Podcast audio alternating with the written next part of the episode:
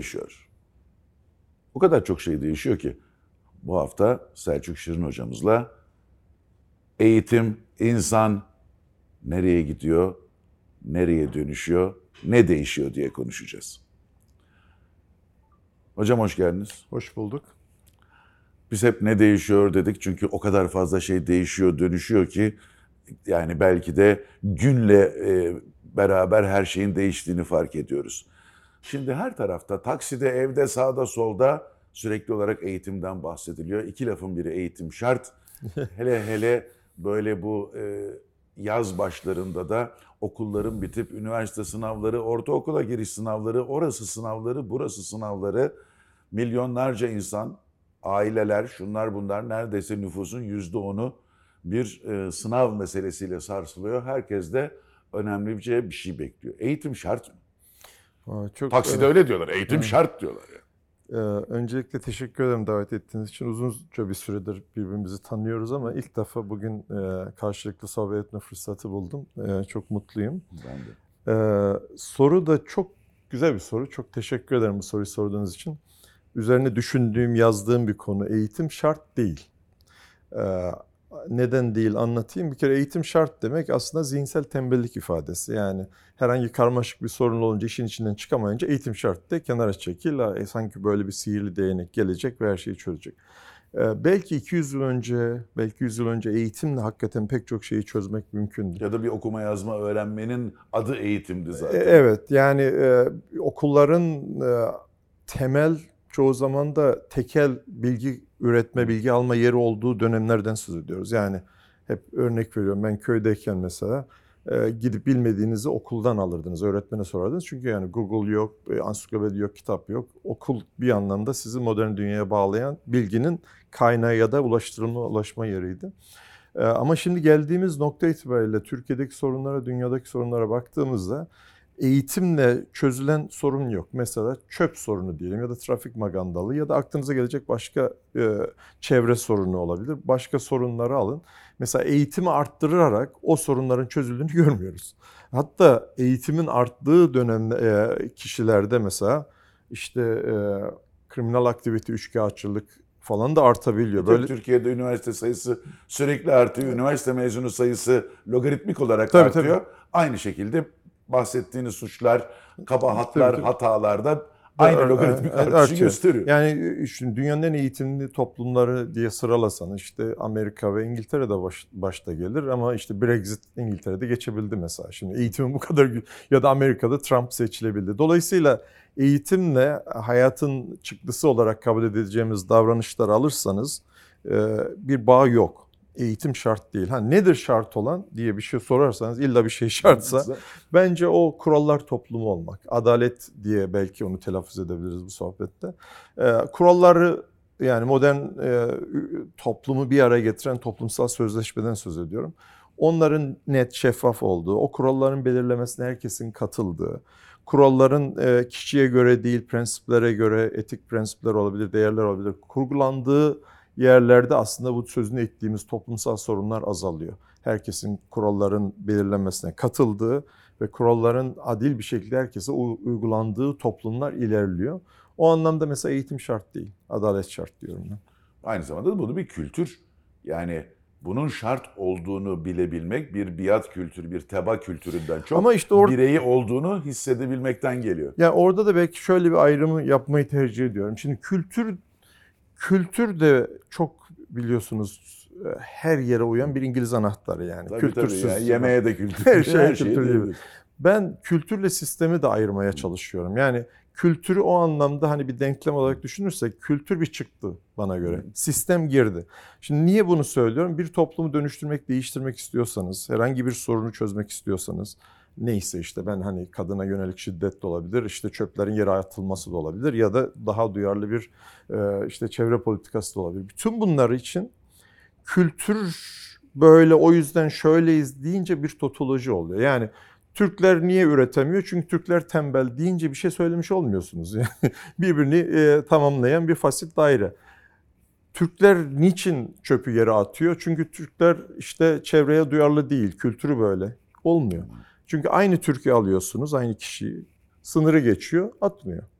Ben hep şeyin örneğini veriyorum yani kültürle sistemi açıklamak için. Ben mesela New York'ta ve İstanbul'da yaşıyorum. İki yerde de evim var. New York'ta arabanın arka koltuğuna oturduğum zaman kemeri takıyorum. İstanbul Havalanı'na iniyorum.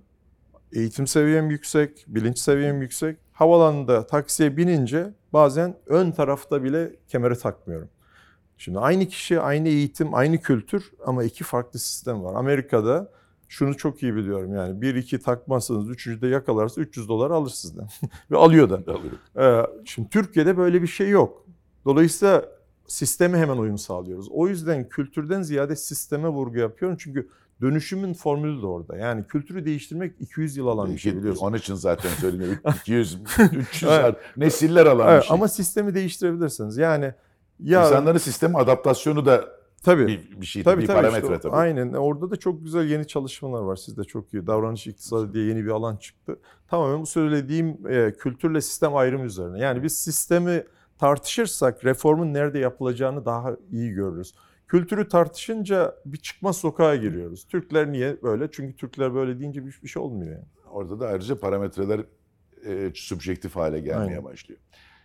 Peki bu eğitim deyince aynı zamanda da hep okuldaki başlayan ve okulda biten bir şeyden bahsediyoruz. Sanki eğitimin yegane kaynağı, menşei yapılabilecek yeri okulmuş gibi. Halbuki bir eğitimden ya da bir sisteme alışma ya da dünyayı ele alış biçimi diyorsak bu aslına bakarsanız okul öncesinde başlıyor. Kesinlikle. Yani özellikle sizin e, lafınızı size söylemek için söylüyorum. Yani 0-6 yaş arası 3 aşağı 5 yukarı oyunun %80'i falan bitiyor. Aynen. aynen. E, ondan sonra zaten eğitseniz ne olur, eğitmeseniz ne olur'a geliyor belli açılardan. E, onun için de bu eğitim lafının ya da öğretim lafının ya da uyum ya da sistem dediğimiz şeylerin aslında hepsinin temeli bu daha hayatın ilk minik yıllarında neredeyse %80'i %90'ı atılıyor. Bunun farkında mıyız? Bu ne kadar daha gidecek? Bir. İkincisi ise şu anda çok büyük bir dönüşümden bahsediyoruz. Bu dönüşümde ebeveynler ne kadar neyin dönüştüğünün özellikle de değerlerde bir önemlice değişme var. Neyin dönüştüğünü farkındalar ki kendi bebeklerine, çocuklarına bunu yansıtabilsinler. Ya da kendi zamanlarında gördüklerini bugün yaparlarsa acaba değişene ayak uyduramama sorunu çıkar mı? Yani iki, iki farklı soru. İlkinden hemen hızlıca cevap vereyim. Ee, şimdi bizim şu anki okullarımız biliyorsunuz kullanma tarihi geçmiş bir sistem şu an. Yani Cevap verme üzerine Cevap kurulu. vermiyor böyle hani e, okul değil de başka bir kurum olsaydı hayatımızda yani e, işte ne bileyim e, lüksler vardı e, köylerde ışığı oradan alırdık biz mesela içine gazı basarsınız şişirirsiniz işte e, o, o bayağı teferruatlı bir sistemdi. Mesela şu an evlerde onu kullanmıyoruz. Aynı ışığı veriyor ama çünkü teknoloji değişti, hayat değişti, her şey değişti. Şimdi pek çok hayatımızın, gündelik hayatımızın eski teknolojilerini attık. Atamadıklarımızdan bir tanesi okul. Mesela şu an çocuklarımızı gönderdiğimiz okulların ne bugüne ne de 20-30 yıl sonraki dünyaya çocuklar hazırlamadığını biliyoruz. O kadar çok veri var ki elimizde. İlk baştaki sorunun zaten yanıtında da o veriyi verdik. Yani okul eğitimde bu işin olmadığını, okullar üzerine yapılıyor. Ee, şimdi genelde ben şöyle düşünmeyi tercih ediyorum. Yani bugün bildiklerimizle aynı soruna yanıt versek ne çıkardı ortaya? Yani var olan çünkü var olan üzerine reform mantığıyla düşündüğünüz zaman yeni bir şey kurgulayamıyorsunuz. Çünkü onu düzeltmek çok zor. O, ben onu yok sayarak düşünmeyi tercih ediyorum. Yani şu anki okulları yok sayalım. Biz ikimiz uzaydan geldik abi. Hiçbir şey bilmiyoruz ama bildiğimiz bir e, literatür var. Beynin nasıl geliştiğini biliyoruz mesela. 200 yıl önce bilmiyorduk.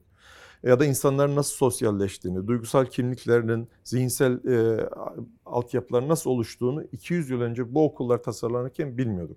Şimdi biliyoruz. Dolayısıyla ben her şeyi sıfırdan tasarlıyor olsaydım okulları ikinci yaş günü bitiminde okula alırdım çocuklara. Bu okul derken tabii herkes eline kalem falan gibi düşünmüyor.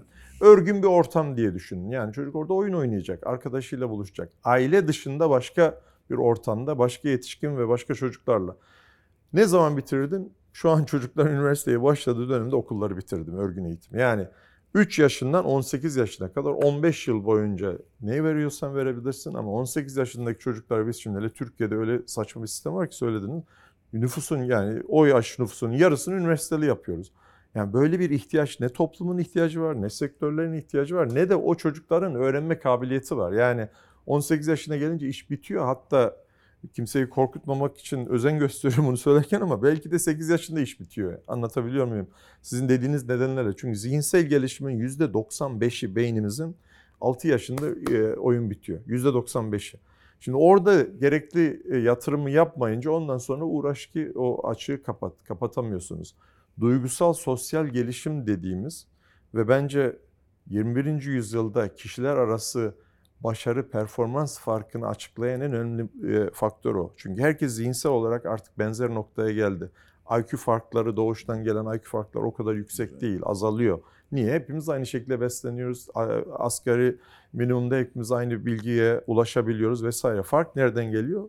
İşte sosyal duygusal zeka diye popüler kültürde kullanılan yerden geliyor. Bunun da kökeni işte 2 ile 5 yaş arası. Orada sağlam bir temel olmadan o çocuk isterse dünyanın en zeki, en iyi eğitimini alsın. Sosyal tarafı, duygusal tarafı zayıf olunca takım elemanı olamıyor.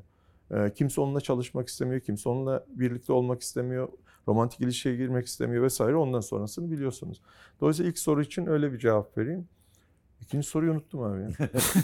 İkinci soruda diyorum ki hayat bu kadar hızlı dönüşürken Aha. ebeveynler bunun neresinde yani kendileri daha e, dönüşmeyi ne kadar Tabii. içselleştirip becerip başa çıkabiliyorlar ki e, özellikle de 0-5 yaş arasındaki Tabii. 0-6-0-8 yaş arasındaki çocuğuna bir hayrı dokunsun. Şimdi ebeveynler de tabii Türkiye üzerine de aynı şeyi söyleyebiliriz. Dünya içinde iki tür ebeveyn var. Yani bir tanesi çocuğunu proje yapan. Yani işi gücü dünyası çocuk. Bir ebeveyn grubu var. Yani çocuğun üstünden aslında kendi tatminini sağlayan, Aynen, kendi aynen. beceremediklerini çocuğu Çok üstünden becermeye kalkışanlar. Aynen, aynen. Ben kitapta onları kendi hikayesini çocuğunda tamamlayan ebeveynler diyorum. Aynı sizin dediğiniz gibi.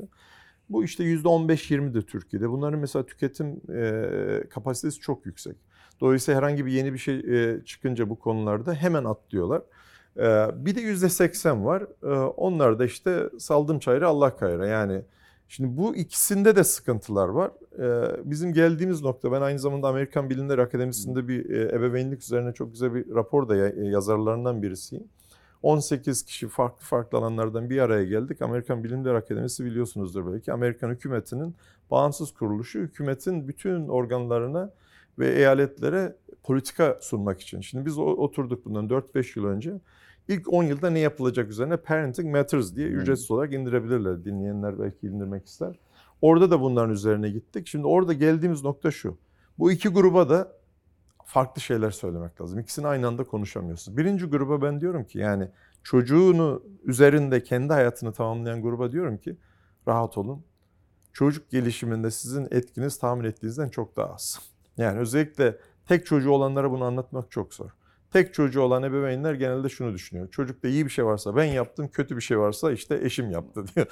Ee, iki ço- ikinci çocuk gelince mizacı öğreniyor. İşte orada biraz rahatlıyor. Diyor ki ya aynı şeyi yapıyoruz farklı sonuçlar geliyor. Niye? E çünkü çocuk da bir şey getiriyor.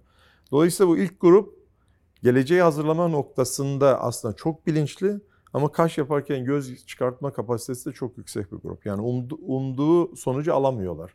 İkinci gruba da diyoruz ki biraz biraz çaba harca kardeşim. Yani çünkü senin bir etkin var. Bu çocuğu doğurdun. Bu çocuğun geleceğinde biraz etkin var. Ama e, genel olarak sektörel olarak baktığınızda, kariyer gelişimi olarak baktığınızda zaten yetişkinlerin göremediği bir gelecek var. Yani 4 yıl önce biz otursaydık pandemiyi, savaşı, işte e, tedarik zincirindeki bu çatışmaları göremiyorduk. Hadi bundan sonrası için Web 3.0'lar bilmem neler konuşuluyor. Şu önümüzdeki 5 senenin ya da yani bugün üniversiteye giren çocuğun iş hayatına atılacağı zaman hani bıraktım e, ilkokula başlayanın apayrı bir hayat olacak. Bugün okula başlayan bir çocuğun dahi 10 sene sonra yani üniversiteye giderken gene apayrı bir dünya ile karşılaşacak. Onun için öngörmek nerede? Ya işte orada belki vurguyu yani bu geleceği tahmin edenler üzerine yapılan araştırmalar var. Siz de biliyorsunuz. ya uzmanlar e, para atıyorsunuz ya. Hani yazı tura, yazı tura daha iyi tahmin ediyor uzmanlardan. Türkiye ne olacak, dünya ne olacak? Bir- Yani çünkü çok değişkenlerin çok fazla olduğu bir dünyada yaşıyoruz. Ee, işte artificial intelligence her şeyi belirleyecek. Ya belki de belirlemeyecek, bilmiyoruz. Yani o kadar da kesin Yani olamayacağım Bana zaman. sorarsanız onların hepsi yol gösterecek ama hiçbiri tam yapamayacak. hiç bilmemekten daha iyi. Yani, Yani- bir far olacak, Tabii, tabii. bir e, lamba olacak, daha fazla aydınlanacak. Daha ne kadar çok aydınlatırsa o kadar çok görülecek ama çözen o olmayacak benim Aynen, aynen. tarafımda hala. Yani ebeveynliğe dönersek bence ebeveynlerin rahat olmasında fayda var. Good enough parenting diyoruz bizim geldiğimiz nokta. Ya olduğu kadar Oldu. iyi ol, öyle çok zorlama. Hayır, bizde mükemmelliyetçilik hele hele belli bir ekipteki o yüzde yirmi- o son O nereden korkutucu. geliyor biliyor musun? Bence senli benli konuşmaya geçtik abi. Estağfurullah tabii ki. Şuradan geliyor bence abi. Şimdi Türkiye'deki ebeveynlerin kendi hayatlarını belirleme yetkisi uzunca bir süredir elinden alınmış durumda. Yani ülkenin gidişatına karışamıyorsun. Şehrin, e, yaşadığın kentin gidişatına karışamıyorsun. Çalıştığın şirkete karşı. karışamıyorsun. Oturduğun apartman neye karışacaksın? Ha, bir çocuk var. Ha, ona karışıyorsun. İşte orada da sıkıntı çıkıyor. Yani hiçbir şeye müdahale edemeyenler bütün her şeyini çocuklar üzerinden yapıyor. Yani o kadar korkunç. e, Ben ebeveynlik kitapları yazdığım için son dönemlerde yani muhatap oluyorum. Sorular geliyor. Her gün yüzlerce soru geliyor sosyal medyadan.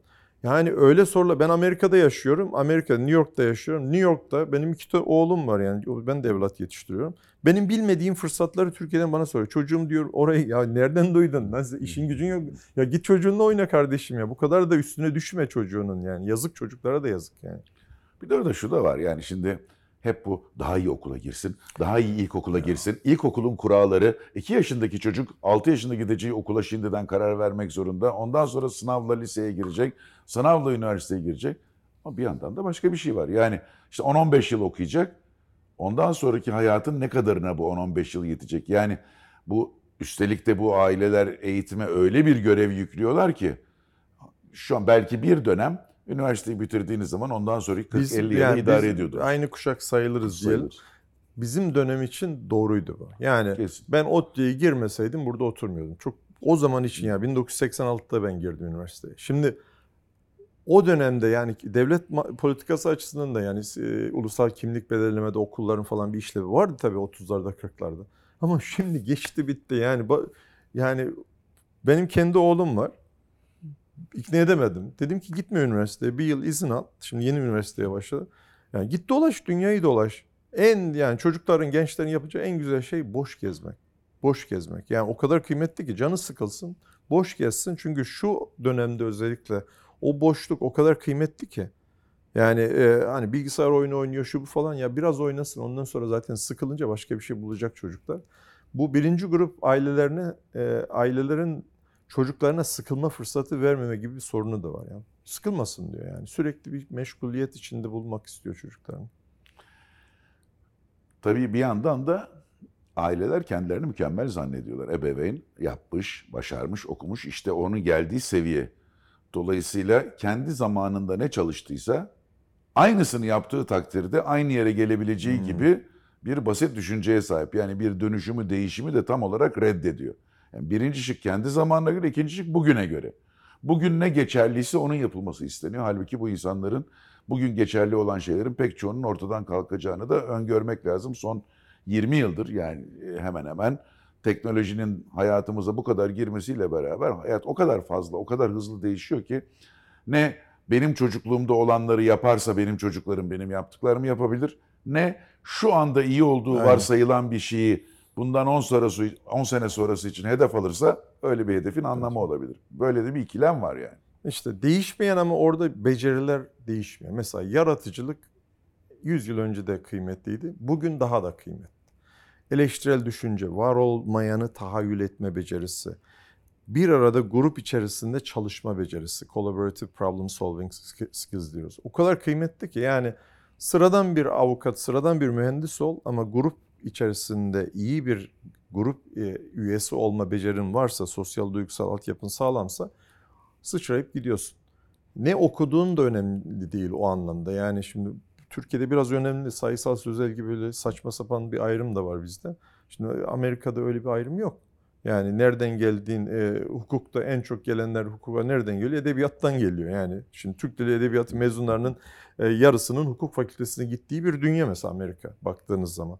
E, edebiyatı, English e, literatür, İngiliz literatürünü bilmeyeni bankacı da yapmıyorlar doğru dürüst orada. Yani bütün bu arts and science e, diye temel bilimlerin eğitimi mesela New York Üniversitesi'nde girmesi en zor bölüm arts and science. Fen Edebiyat Fakültesi. Niye? Çünkü her yere giden temel bir e, disiplini oradan alıyorsunuz. Bizde onlar tukakadır. İşte Bir kere yani en önce matematik derslerinizin iyi olması gerekir. Matematik dersleriniz iyi değilse iyi olan arkadaşlar edinmesi kesin önemsenir. Ee, daha da beteri söylediklerinizin hiçbiri de geçerli değildir. Çünkü bütün bu dedikleriniz yaratıcılık, işte e, problem çözme vesaire yani problem derken matematik problemden bahsetmiyoruz. Hayatın problemi. tabii tabii. Bütün bunlar hayır. Çünkü bizde önemli olan cevap vermektir. Size söyleneni aynen tekrar ederseniz siz iyi not alırsınız. Ama size yorumlamak, hayal etmek, kendinize özgü, size ait çözümler üretmek öyle bir şey yoktur. Ne söylendiyse onu tekrar yani bizimki hakikaten soru sormak yerine cevap vermeye dayalı bir eğitim. Bunu soru sormaya çevirebildiğimiz ve bu soruları sonsuz hale yani ya da benim tabirimle merak yoksa hiçbir şey yok. Aynen. Merak eden insanı koruyabilmek belki önemli. Ee, aileden, ebeveynden başlayan merak etme desteği okulda da, da hani orada başlatırsanız okulda ne kadar sıvarlarsa sıvasınlar üstü kapanmayacaktır diye Tabii, tabii. inanıyorum. Ya işte o merak hani genelde gündelik hayatta içinde var deniyor. Yani işte Levent niye başarılı oldu? Levent'in içinde vardı. İşte o dediğiniz merak ya da onun akademik dildeki karşılığı intrinsic motivation diyoruz. İçsel motivasyon. İçsel İşte nereden geliyor bu şey? Bu çok kıymetli bir soru mesela. İçsel motivasyonu olmayan birine nasıl içsel motivasyon? Şimdi o kadar iyi araştırılmış çok iyi bildiğimiz bir alan bu. Yani içsel motivasyonun nasıl kazandırılacağını biz çok iyi biliyoruz. Zaten eğitimin işlevi de bu. O işte bir soruyla başlıyor. Nereden biliyoruz? Sokratik diyalog dediğimiz yerden başlıyor. Yani şu an bizim yaptığımızda benzer bir şey. Muhatap alınması lazım mesela.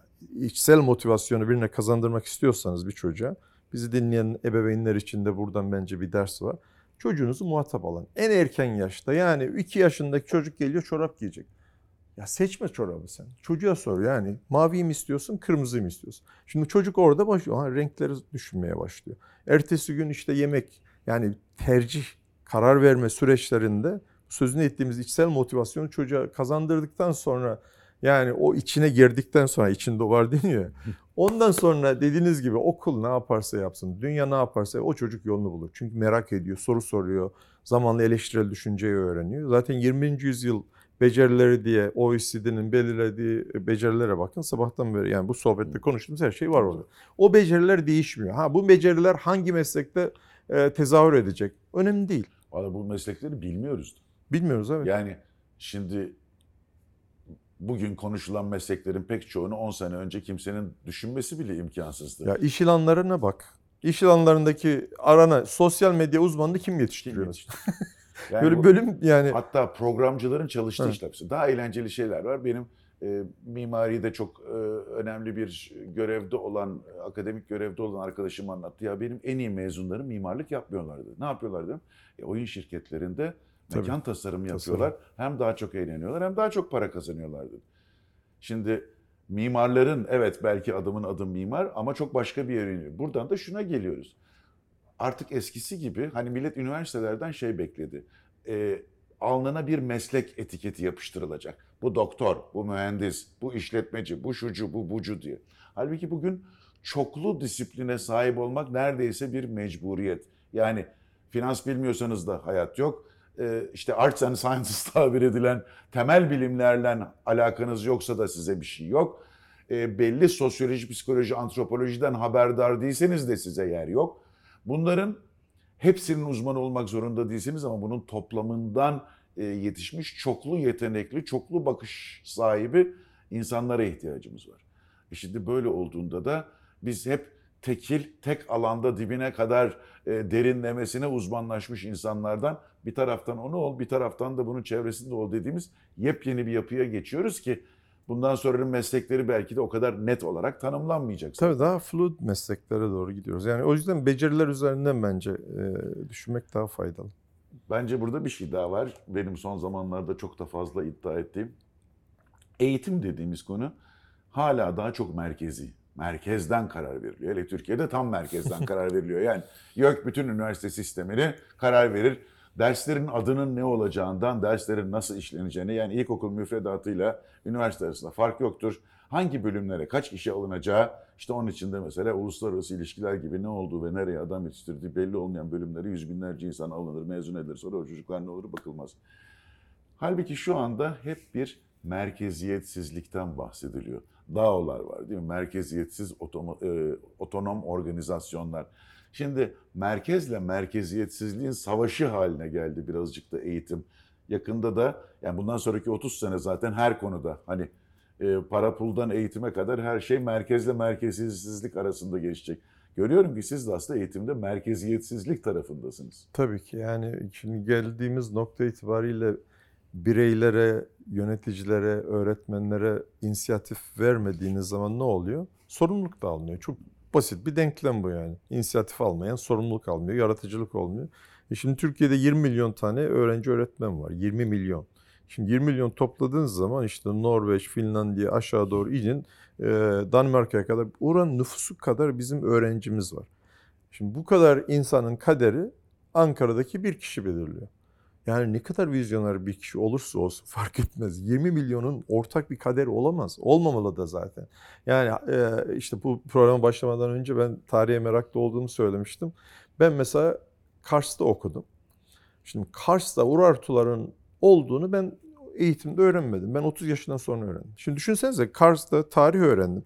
Ya bize anlatsanız da Kars'ın arkeolojisini, Kars'ın, Kars'ın kendi e, doğal tarihini ve insani tarihini, humanist tarihini anlatsanıza. Yok böyle bir yetki vermiyoruz çünkü. Yani Kars'taki okullara oradaki müfredatın Hakkari'den farklı olacağını, Hakkari'deki okullara İzmir'den farklı olacağına dair bir yetki de vermiyoruz.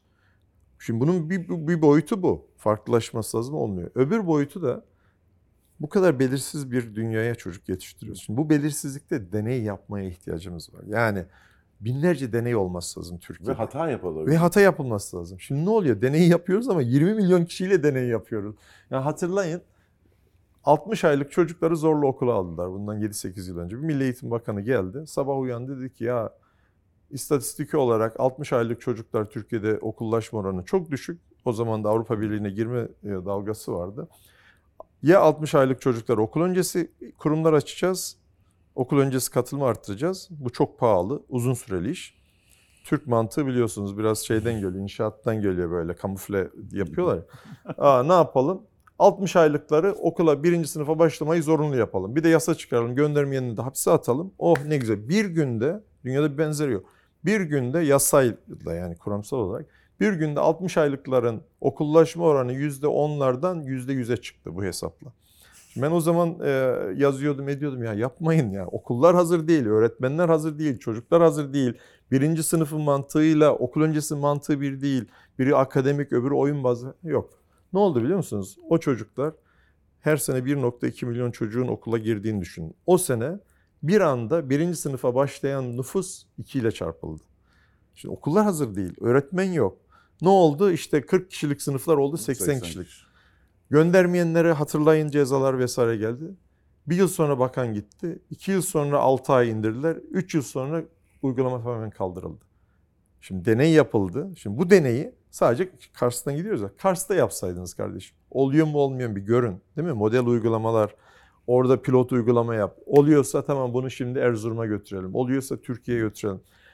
Yaratıcılığın önünün kapatılması için yapacağınız tek şey her şeyi merkezleştirmek.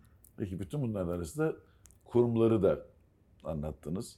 Kurumların buradaki görevine, eğitime ne kadar katılabilirler? Kurumlar ne yapmalı? Çünkü tamam bir tarafta işte merkez var, bir tarafta okullar var, bir tarafta ebeveyn var, bir tarafta da hala kurumlar, şirketler, yapılar var. Tabii. Şimdi aslında biraz önce hani e, eğitimle ilgili e, konuşurken iyimserliğim şuradan geliyor.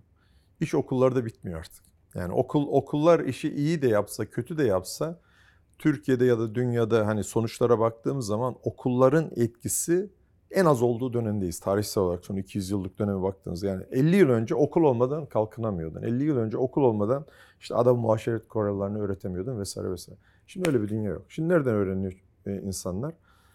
Çalıştığı yerdeki kurumlarda, başka arkadaşlarıyla birlikte olduğu yerlerde öğreniyor. Yani sosyal ortamlarda öğreniyor. Biz buna sosyal sermaye diyoruz, social capital. Social capital eğitimde de başarıyı belirleyen birinci etken. Yani sizin çocuğunuzu nereye gönderdiğinizden ziyade sizin çocuğunuzun arkadaşları nereden geliyor daha kıymetli. O çünkü o çocuğun oturduğu sofralar, masalar mesela ben hep söylüyorum kendi hikayemi anlatırken akşam yemeği asıl okul. Ya müfredat diyoruz akşam yemeği. Akşam yemeğini kiminle yiyorsunuz? Ebeveynseniz bence bu soruyu düşünmeniz lazım. Yani çocuğun varsa o çocuğu kiminle muhatap ediyorsun kardeşim? O, o çocuğu gönderdiğin kolejden daha kıymetli. Aynı şey işte çalışanlar için de geçerli. Çünkü o kadar hızlı değişen bir sistem e, dünyada okulların, örgün eğitimin müfredatıyla bizim becerileri yakalamamız mümkün değil. Nerede olacak bu eğitim? Kurumlarda olacak. Nerede olacak? Evde olacak. Ya da işte okul dışı zaman dediğimiz ortamlarda. Şimdi bu doğrultuda da mesela Akbank'la bir ailem akademisi yapılıyor ki bu yani hem çalışanlar hem yakınların toplam eğitimi için yani sadece çoluk çocuk değil herkesin yetişkinlerin de eğitimini kapsıyor değil mi? Yani o kadar güzel bir proje oldu ki bu. E, Şimdi biz biraz önce konuşurken dedik ya uzaydan gelip sıfırdan tasarlasaydık ama şimdi bildiklerimizle tasarlasaydık ne olurdu? En azından onun bir prototipini yapıyoruz Akbank'la birlikte. Akbank içerisinde bir ekip uzunca bir süredir bunu çalışıyormuş. Biz geldik bir matrix çıkarttık. Çok basit bir matrix.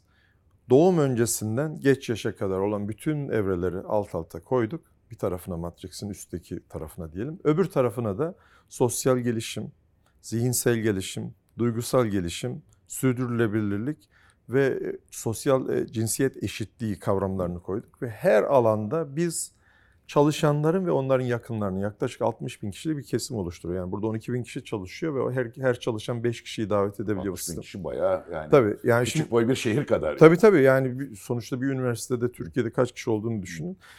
Ve bu herkesin gönüllülük esasıyla katıldığı zorunlu bir, bir katılım değil. Yaşayarak yaparak öğrenme tekniğiyle bütün eğitimleri sunuyoruz.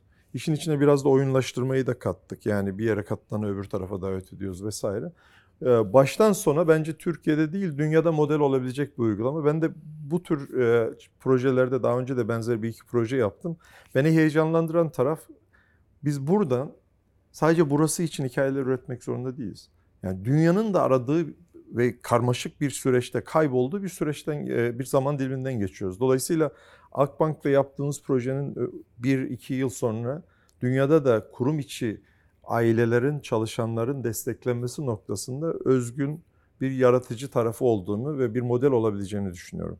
Her yaş grubuna dediğim gibi hamilelikle başlıyor, geç yaşa kadar her yaş grubuna biz ne katabiliriz? Onların hayatını daha başarılı, daha sağlıklı, daha mutlu olması için onlara biz ne katabiliriz sorusuna eğitimde karşılık vermek istiyoruz. Bu aslında tam da bir kurumsal da sorumluluk. Çünkü herkes bir yerlerde yetişmişin en iyisini almak, transfer etmek peşinde koşarken aynı zamanda eldekinin ve çevresinin toplam olarak dönüştürülmesine katkıda bulunmak aynı zamanda güzel bir görev. Peki hocam son bir soru soracağım size. Sizin muhteşem bir projeniz var. Ben kişisel olarak hayranım. Ee, iddialı bir proje. Bana sorarsanız deli işi. Ee, ve ben deli işlerinin yapılmasıyla ancak ortalığın düzelebileceğine, normal aklı başında işlerle var olanı sürdürmekten öteye gidilmeyeceğine inandığım için deli işi demeyi tercih ediyorum. Bir milyon kitap, biz öyle milyonları enflasyonlarda yaşamaya alışkın ülke olarak milyon lafını çok kolay telaffuz ediyoruz ama milyon çok büyük bir laf ve bir milyon kitap projesi var. Nedir bu proje? Teşekkür ederim. Ee, e, duygusal olarak da olsa destek oluyor olmanız beni çok onurlandırdı.